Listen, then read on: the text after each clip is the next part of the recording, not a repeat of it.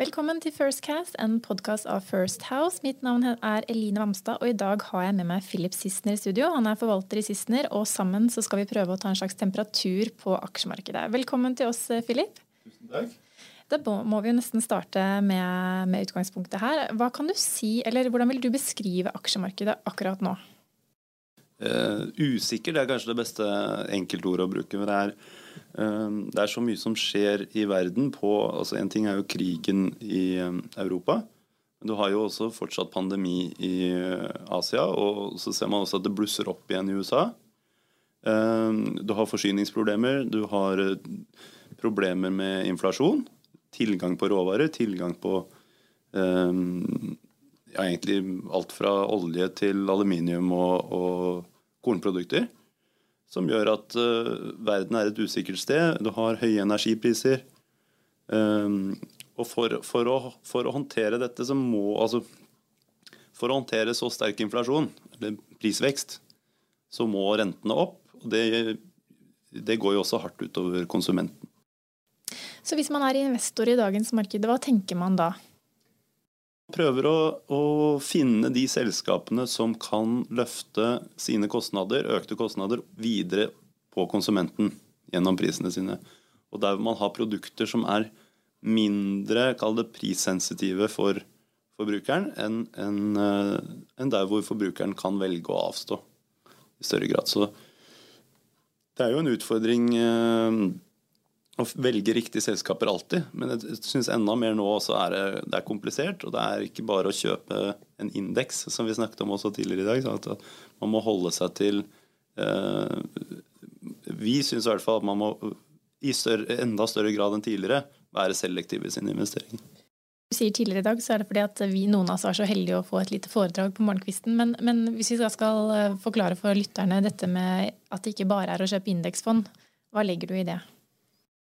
Siden finanskrisen, i 2008, så har vi nå hatt 14 år med dopede markeder. Vi har hatt støttekjøp fra myndighetene. Vi har hatt eh, lave renter, som har gjort at flere og flere har investert pengene sine i markedet fremfor å investere dem i banken. Eller spare i banken, kall det det. Altså, man har gått fra sparing til investering.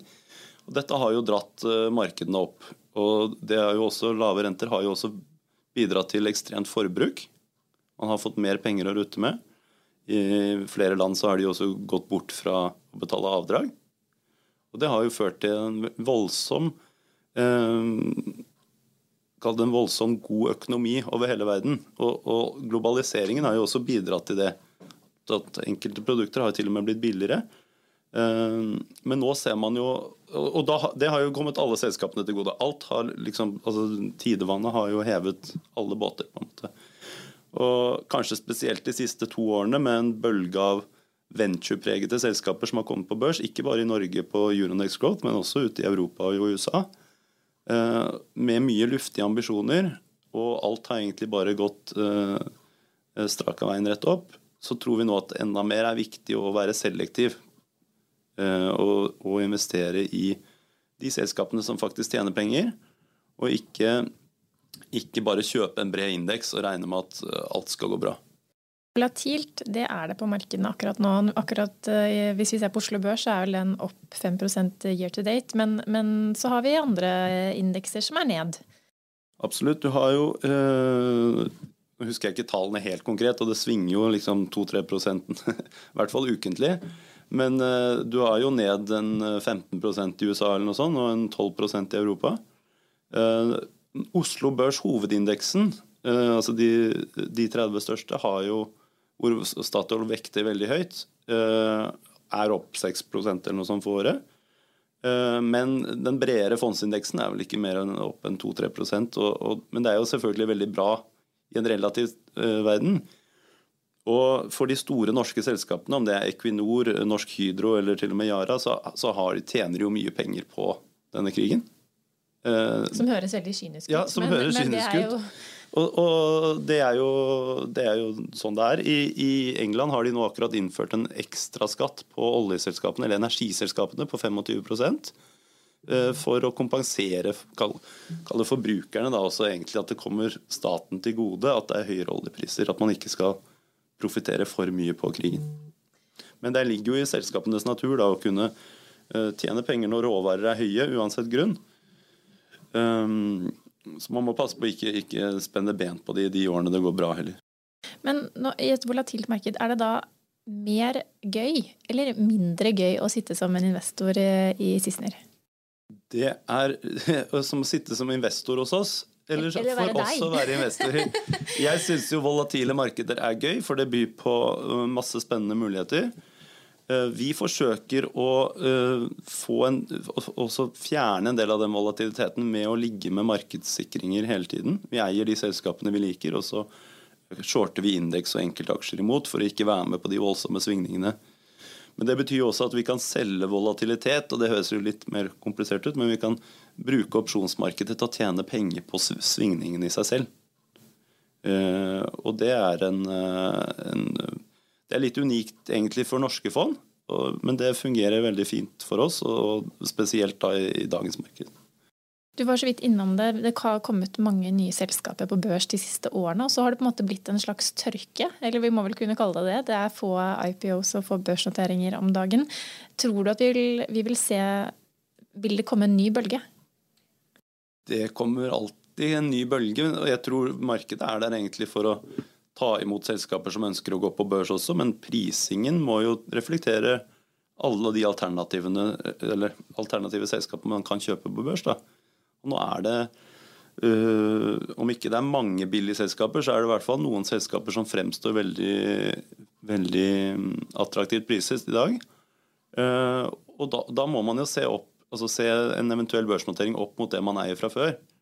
Og da må det komme på en prising som, som er eh, til en rabatt da, det, på tilsvarende selskaper som man kan kjøpe i markedet i dag. Du nevnte innledningsvis at det er usikkert i markedet, og, det er mye makroøkonomisk usikkerhet. Hva er det du syns ser skummelt ut i dagens aksjemarked? Det er uh, mye rart. Det som er litt skummelt egentlig, er jo uh, det, det er en indikasjon, jeg vet ikke om det er direkte skummelt, men det er veldig lenge siden jeg tror du skal tilbake til finanskrisen for å se et så stort volum av opsjoner ute i markedet. Og, det er jo uh, i seg selv ikke så skummelt, men det kan føre til, ved plutselige bevegelser, både opp og ned, men kanskje spesielt ned, så kan det få en selvforsterkende effekt og, og, og utløse liksom en, et ordentlig ras videre ned. Så med en gang du har en, en korreksjon til nå på 10% så kan det jo fort rase veldig mye mer. Og Hvor sannsynlig er det at vi skal mer ned? I min verden så er det høyt sannsynlig at de generelle indeksene i verden skal lenger ned. Vi er ikke lenger tilbake Nå sier vi vi er her 2. juni. Eh, vi er ikke lenger tilbake enn omtrent der vi var i fjor.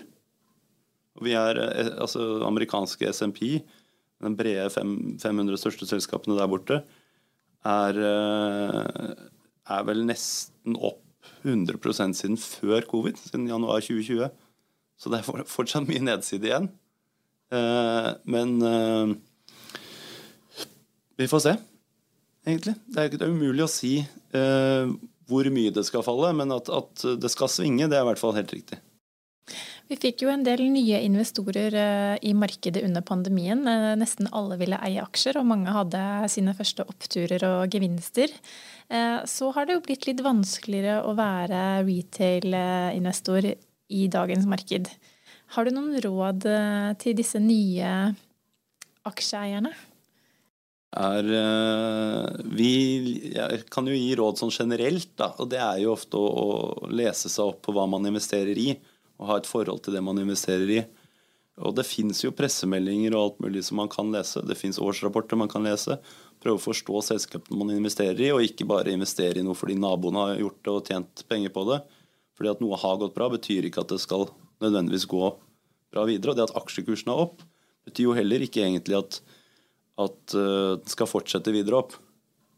Uh, og så har vi dette morsomme med at liker, selv om du liker produktet, så er det ikke nødvendig at selskapet er attraktivt priset. At selskapet er en god investering. Det kan man jo se på disse uh, Det ble en veldig sånn hype for et par år siden da det var snakk om å legalisere marihuana borte i Amerika. Og disse kanadensiske eh, marihuanaprodusentene tok jo helt av på børsen. Og Det har jo senere selvfølgelig kollapset, men det var nok en sånn eufori blant retail-investorer også, som tenkte at dette blir stort og dette blir bra, men så får du til slutt ikke noe forhold til at den prisingen selskapet eh, kjøpes eller handles til på børs, kan ikke forsvares noen gang med inntjening eller potensiell inntjening.